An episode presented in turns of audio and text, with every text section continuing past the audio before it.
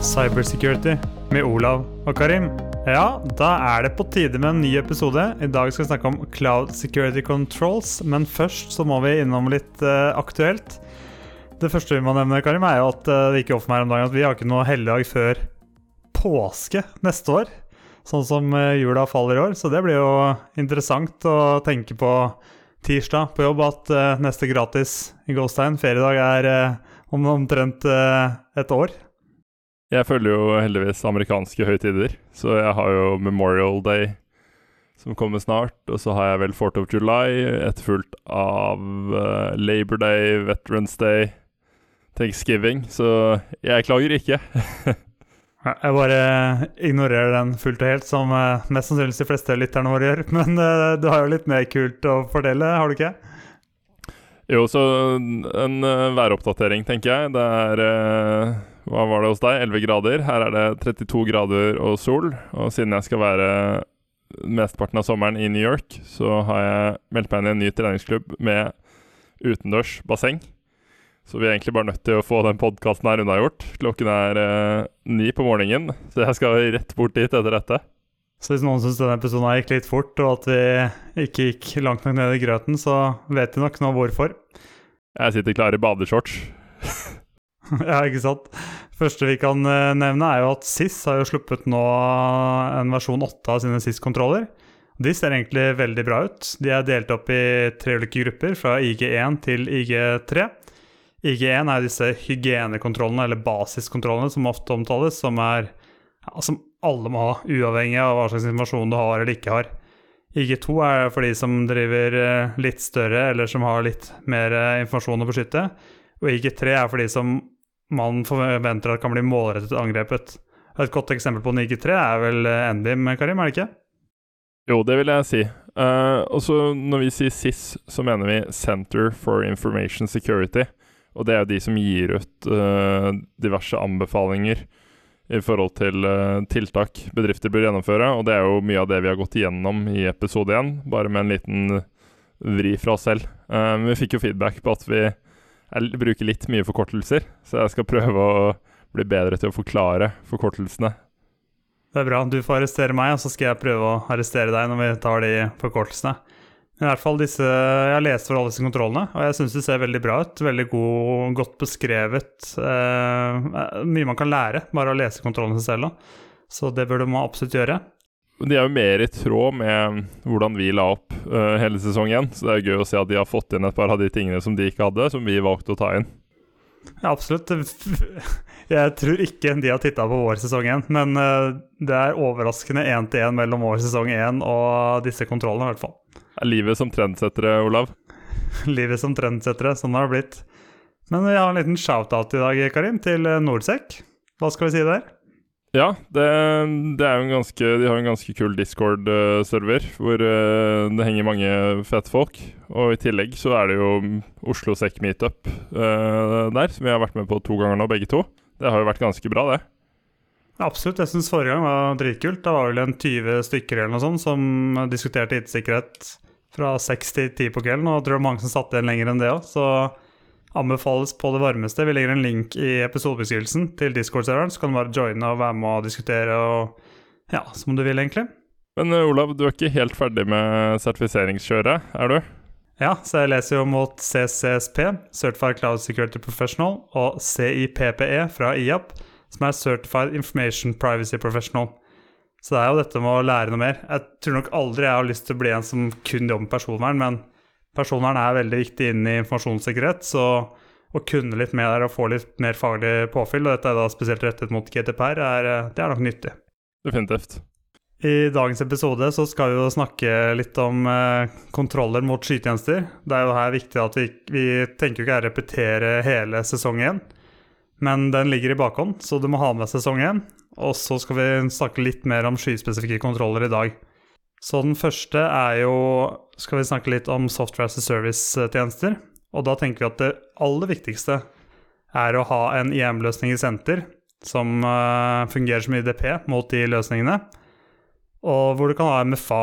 Uh, eh, og årsaken til det er at når du begynner å spre applikasjoner rundt de ulike datasentre, så er det det vi har snakket om før, med at identitet blir nye perimetere.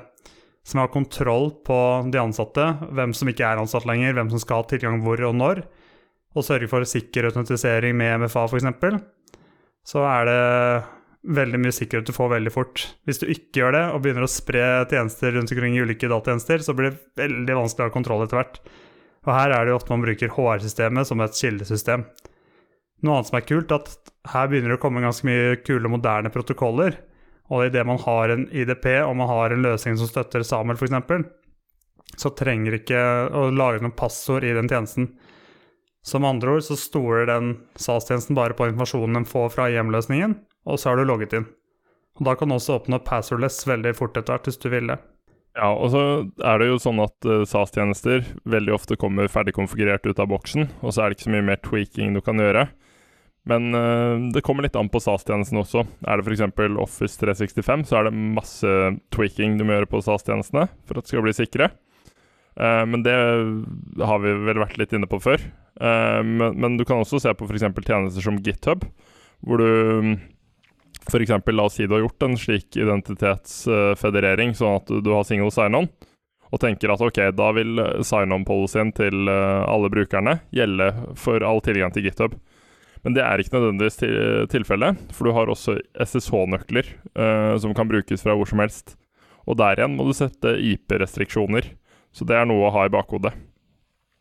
Så er det jo dette Cloud Access Security Broker, også kalt CASB, Uh, som var en kontroll som hadde en del hype for et par år siden, og det er fremdeles noe som eksisterer. Og det gir deg jo kontroller mot internettbaserte, altså SAS-applikasjoner. Uh, uh, litt avhengig av SAS-applikasjonen, så kommer det an på hva slags kontroll den kan tilby. Så mot noen SAS-integrasjoner så har den f.eks. at den kan hindre at du laster ned data. Mens på andre så kan den bare se på hvor mye data du laster opp, f.eks. Så det varierer veldig fra SAS-applikasjon, Eh, men det er noe å vurdere, det også. Kult. Skal vi bevege oss over til Public Cloud og snakke litt mer om uh, sikkerhetstjenester vi ser for oss der, uh, Karim? Ja. jeg mener jo at det viktigste når du går til Public Cloud, er å investere i kompetanse. Altså hvis, du ser på statistikken, så er den nådeløs. De fleste feil som begås, altså sikkerhetsangrep eller sårbarheter som oppstår i skyen, er forårsaket av nettopp de ansatte og av selskapet selv. Så det å ha det i bakhodet, at det er dine ansatte som kommer til å drite seg ut, og ikke nødvendigvis skyleverandøren, det er, er viktig. Og så er det jo sånn at i Public Cloud så har man jo også API-nøkler, så selv om du har en sterk federering der, eh, som tillater multifaktorautentisering, så kan disse API-nøklene eh, brukes fra hvor som helst. Og, og API-nøklene det er jo ofte det som kommer på avveie, som fører til at selskaper blir kompromittert i skyen. Så API-nøklene bør alltid ha lease privilege. De bør ha IP-restriksjon dersom det er mulig, eller andre type kontroller. Eh, en annen research som ble publisert veldig nylig, var ganske interessant. Hvor man så på alle Android-applikasjoner, og hvor mange av de som hadde bare en variabel med AVS-API-nøkler. Uh, eh, og det var ganske interessant funn der, for det var flere som hadde lagt API-nøkler til produksjonsmiljøet sitt inn i en Android-applikasjon, f.eks. Uh, I variabler som du enkelt kunne lese ved å reverse engineer appen. Ja, da begynner det å bli litt for vanskelig for de som vil ha tak i både informasjon og kontroll, og angripe på den måten. Ja, og så er det er på en måte en sånn ting man fort ikke tenker på når man bygger en app og den skal bare ha tilgang til noen ressurser i skyen. Men så er det jo et par andre kontroller også som vi bør ha. Vil du kanskje snakke litt om segmentering, eh, Olav? Absolutt. Vi snakka en del om eh, mikrosegmentering i sesong 1 òg, og det bør man eh, gjøre både på nettverk og API. Og et eksempel er at man typisk har flere subscriptions, f.eks. Asher, hvor du har én subscription per applikasjon. Videre så deler du kanskje opp i tre eller fire ulike V-nett. Så har du kanskje ett V-nett som er for proxyen, ett V-nett for applikasjonen og ett V-nett for databasen. Og så ruter ofte trafikken imellom disse ulike V-nettene gjennom en f.eks. en NextGen firewall med en IPS, da, sånn at du hele tida får sjekka trafikken. Da har du jo offloada krypteringa i det første laget i proxyen, sånn at neste lag den passerer gjennom i firewallen, så kan den skanne trafikken, for da er den ikke kryptert lenger, kryptert lenger og er lesbar. Og så har du også mulighet for subnet hvis du vil ha enda mer spesifikke segmenteringsbehov. Og, og det er jo en eh, klassisk arkitektur som bare er enda lettere å få til i skyen, uh, fordi byggeklossene er så lett tilgjengelig. Så er det jo dette med å bygge ting i skyen. Så idet du på en måte har uh, en, valgt en cloud provider, så, så, sitter folk med veldig mye tilganger inn der. Men du ønsker kanskje ikke å ha det, og at folk går inn og endrer på produksjonssystemer direkte. Så hvis du skal beskytte infrastrukturen på en god måte, så vil jeg si at infrastructure as code er veien å gå. Ikke bare gjør det at den er enklere å redeploye dersom noe går gærent, men du kan også sørge for at den har uh, gjennomgått en review før den går inn i produksjon. Så da får du en form for integritetskontroll på den. I tillegg så er jo fordelen ved å gjøre det som kode at du kan enkelt gjøre statisk analyse og se etter konfigurasjonssårbarheter før du deployer den. Et eksempel på det kan jo være at uh, en S3-bucket som er public, Eh, så får du en advarsel, eller at du feiler deploymenten i pipelinen. I tillegg Karim, så er det vel sånn at når du har skrevet infrastruktur som kode, så er det jo veldig lett å gjøre en audit på NO, eller å verifisere at to miljøer er identiske.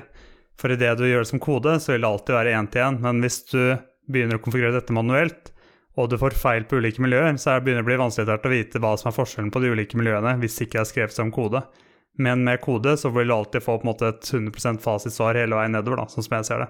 Ja, og, og fra sikkerhetsståsted så elsker jeg infrastruktur som kode. Det gjør det så enkelt. Og det, det, er lettere å gå inn i koden og se hva en kunde har, enn å gå inn i skyen og se hva de har, med mindre de har en veldig god CMDB. En annen fin ting med sky er jo dette at du kan gjøre automatisk tilbakestilling av sårbarheter. Så la oss f.eks. si at noen kommer seg forbi eh, den statiske analysen i infrastruktur som kode, eller at det er noe du ikke har dekning for der. Um, så kan du fange opp at noen uh, deployer en uh, lagring som f.eks. er offentlig tilgjengelig, og automatisk fjerne den. Men så kan det jo være at du har et uh, nødvendig behov for å deploye lagring som er offentlig tilgjengelig. F.eks. skal ha en webside. Um, og da kan du bruke en form for governance basert på tags. Og tags er jo bare bestående av key value pairs, som du gir forskjellige verdier. Og så kan du lage en governance-modell rundt det og si f.eks. at uh, uh, en viss verdi vil gjøre at den ikke automatisk tilbakestilles. Så kan man jo tenke at ok, men da kommer utviklerne seg rundt disse kontrollene. Men igjen så er det da et veldig bevisst valg. Um, fordi de fleste ting skjer jo ved et uhell når det går gærent i skyen. Og dette med tags kan jo også brukes for å bygge opp et CMDB. Så en veldig viktig sikkerhetskontroll for skyen er faktisk å ha en tagging-strategi. Men uh, kan ikke du si litt om dette med logging i skyen, Olav? Jo, absolutt. Så vi har jo snakka litt om en del om det i sesong én også. Og det er vel nok fort gjort å tenke, eller i hvert fall hørt mange av dem før, at ja, men nå kjøper jo bare Asher fra Microsoft, så Microsoft sørger da for alt sammen for oss, så nå trenger vi ikke gjøre noe. Men det stemmer jo ikke helt. Så du bør ha en uh, tanke om hvordan du ønsker å gjøre det i skyen. Så for eksempel så bør du selv sørge for at all, alle logger som du vil forwarde, er forwarda til sideverktøyet og til sentrale loggingen din. Og så kan det hende at du har en CM fra før av. Og Hvis den eh, CM-en er on-prem, så bør du kanskje vurdere om du heller skal kjøpe en Cloud Native CM, f.eks. Ashore Sentinel, hvor du da eh, gjør analyse av de loggene som kommer inn. Fordi alternativet er jo å åpne en dør inn i miljøet eller ut av miljøet og begynne å sende en del data fram og tilbake. Det er ikke nødvendigvis alltid at det er lurt, men i enkelte tilfeller så kan det være lurt. Så den kan være grei å tenke litt på. Og så må du huske å bygge deteksjoner på disse loggene. Ikke bare får du loggene og tenke at det er gjort, men også hele tida hyppig bygge opp deteksjoner. fordi hvis ikke så vil du ofte ende opp med å kun ha, eller i hvert fall stor grad signaturbasert beskyttelse. Altså at den ser etter noe den vet hvordan ser ut, den røde bilen f.eks. Hvis den bilen plutselig er gul, så vil den ikke stoppe den. Men hvis den ser etter hvordan noe oppfører seg, hvordan noe beveger seg, eller hvordan noe eh, prøver å oppnå, så kan den fort dukke opp en alarm istedenfor. Hva tenker du om det, Karim? Og dette med behavioral får du gjerne ut av boksen i skyen. I Asher så har du Asher Security Center, og i Amazon Web Services så har du en tjeneste som heter Guard Duty. Og begge disse er veldig gode på, å oppdage um, sårbarheter basert på uh, oppførsel. Kult. Så her er det en fordel med en gang å begynne å bruke skytjenesten og native eh, cloud fremfor å dytte noe ned til on-prem, som et eksempel der. En annen ting å tenke på er at det er ikke alltid sånn kryptering heller er out of the box. Det må ofte skrus på. Da må du tenke på at det bør gjelde ved lagring og ved transport. Du bør også tenke på at at selv om noe er i skyen, så er det ikke sånn at det, at det da er uh, disaster recovery, high availability og G-redundant automatisk. Dette er altså noe du må sette opp selv og er ansvarlig for. Ofte får du dette veldig lett da, ut av en skytjeneste, så du kan i Asher f.eks. velge at du vil ha G-redundant backup, at du vil ha disaster recovery, du kan sette opp for high availability i ulike availability zones. Og alt dette koster jo selvfølgelig penger, men det er i hvert fall veldig lett å konfigurere og få til, fremfor on-prem, hvor du må over til et annet datasenter. Og Et eksempel her er jo selskapet Cold Spaces, som eh, vi har fortalt om før, som gikk konkurs fordi noen fikk tak i miljøet og rett og slett bare sletta hele greia. Da var det ikke igjen noe av det selskapet. Og så Kan du ikke også si litt om eh, de som går til skyen med en partner eller en leverandør, Olav? Der har jo du erfaring. Jo, så der er det jo flere ulike scenarioer. Vi kan jo nevne noen av de. Eh, jeg ser jo noen selskaper som fortsatt føler at skyen er veldig nytt for dem. De IT-ansatte de har, er veldig gode på on-premise, men Asher er f.eks. nytt, så da velger man en partner. Så sier man at det uh, kan være Vismexo, kan være Intility, kan være um, noen andre. Så man velger å si at ok, men kan ikke dere hjelpe oss å komme oss opp til skyen? Så sier de ok, jo, vi kan bygge eller stille en platform as a service for dere, da, hvor dere kan legge ut ulike applikasjonene deres. Og så snakker du kanskje med ulike applikasjonsleverandørene, og så du de å være med i dette samarbeidet også. Men da begynner du plutselig å få veldig mange ukjente inn i en ligning. Som andre ord som har kontroll på hvem som er ansvarlig for hva. Så et eksempel er at du bestemmer hvilke sikkerhetskontroller passleverandøren skal ha ansvarlig for, og du stiller noen minimumskrav til applikasjonsleverandørene. Og så må jo selvfølgelig også disse kommunisere og jobbe sammen også. Så her må, du, her må man tenke litt i forkant. Var det det du tenkte på, eller Karim? Ja, jeg tror det treffer det bra. Og så er det jo dette med at uh, du har jo også resellers i skyen. Uh, og en ting man ofte ikke tenker over, er at disse resellerne får noen ganger ut av boksen tilgang til miljøet ditt. Det gjelder for Office 365, hvor de får global administrator. Dvs. Si de får tilgang til absolutt all data ut av boksen. Det gjelder også for Asher subscriptions, og det kan gjelde for Amazon Web Services sine reseller-avtaler. Så der bør man ta en nøye titt, fordi du har ofte en stor supply chain-risiko rundt disse partnerne. Absolutt. Og så er det en ting til man må tenke på, er det her med exit-planlegging, for å kalle det. Når du Enten om det kan være en SAS-tjeneste, eller at det er uh, infrastruktur du kjøper fra Asher, eller om du kjøper alt dette fra en tredjepart som uh, Cognizant eller noen av de andre store selskapene. Hva skjer den dagen du av en eller annen grunn har lyst til å bryte den avtalen og bytte selskap, eller flytte noe? Hvis du ikke har dette avtalt i et dokument fra før, eller har en klar strategi på det, så kan ting fort bli veldig vanskelig og veldig dyrt. Så tenk litt på det før man begynner å inngå store kontrakter og flytte veldig mye data. På at også på et eller annet tidspunkt så skal du mest sannsynligvis bevege deg over til en annen leverandør, eller kjøpe tjenesten et annet sted. Så det må man også huske på. Så er det jo det her, Karim, at uh, det er ikke alltid nødvendigvis så lurt å outsource alt. Fordi når man outsourcer, så har nødvendigvis ikke de man outsourcer til, dette eierskapet som dine ansatte har til den dataen og applikasjonene, og sitter tett på businessen og forretningen og forstår hvor, hvor, viktig det er, og hvor fort det kan gjøre vondt, da, for å kalle det Men min observasjon er jo at med Infrastructure Service så blir det veldig mye fortere, hva skal man kalle det, finansielt fornuftig å dra ting inn igjen og insource har du lyst til å si noe rundt det? Ja, fordi det er jo på en måte ikke I, det du har syn, så kan du jo fjerne de tingene som ikke nødvendigvis er strategisk for deg som selskap, som f.eks. å ha et datasenter hvor du må gå inn fysisk og flytte om kabler på nettverket, eller uh, bytte disker, f.eks. Men med syn så får du alt dette her levert som API-er, som betyr at uh, det er jo også tilgjengelig for utviklerne dine, og ikke nødvendigvis bare infrastrukturteamet. Og infrastrukturteamet uh, fjerner en del av det tidkrevende og manuelle arbeidet. Og har mulighet for å utnytte automasjon i langt større grad. Så sånn rent strategisk så trenger du ikke ha han fyren som går innom datasenteret en gang i uka og kan uh, Jeg vil ikke si kutte årsverk, men bruke de annerledes. Absolutt. Så istedenfor kanskje å ha da ti stykker som løper rundt ned på datasenteret, eh, så kan du nå kanskje ha én kar som sitter og hjelper deg med å automatisere alt dette her inni den plattformen du har valgt. da. Og sånn sett så får du også dratt eierskap mye mer til deg, du har mer kontroll. Og hvis du da f.eks. bør ligge på et IG3-nivå, som vi snakka før i dag med SIS-kontrollene, så er det mye mer fornuftig å da begynne å bygge den der sikkerheten internt, hvor noen som sitter tett på forretning, også har eierskap og kontroll til det. Så det kan være en vurdering du skal gjøre. Og til slutt så er det jo sånn at å flytte noe fra et datasenter til et annet er nødvendigvis fører ikke til noe. Så hvis du har en on-premise dag og flytter det helt likt én til én opp til Asher, så må jeg spørre meg selv men hva har du egentlig oppnådd da? Så det gjelder jo å skjønne hvordan du strategisk kan brukes til skytjenester på en mer effektiv og bedre måte. F.eks. time to market. Kan du få forretningsideene fortere ut i markedet enn det du gjorde tidligere når du hadde ting on premise? Helt enig. Nei, da tror jeg vi er i mål, Karim. Kommer du på nå? Er det noe mer vi bør prate om i dag? Nei, jeg syns det dekker emnet veldig godt. Kult. Da kan vi jo nevne at uh, vi har jo lina opp uh, to-tre episoder fremover nå. Og vi har fått både gjester fra det offentlige og det private, så det blir veldig spennende. Og så er det jo alltid lov med lytterne Kan alltid lytterne bare komme med tips til hva de ønsker at vi skal snakke om, eller tema vi skal ta opp. Så bare å ta kontakt hvis du ønsker det. Og følg oss gjerne på LinkedIn og Twitter. Det er jo der vi er mest aktive. Da tror jeg vi sier det sånn, Karim. Høres bra ut. Ha en fin uke, alle sammen. Jeg ønsker alle lytterne våre en fin uke, og nyt den siste feriedagen hvis du lytter på denne episoden i morgen. Ha det bra.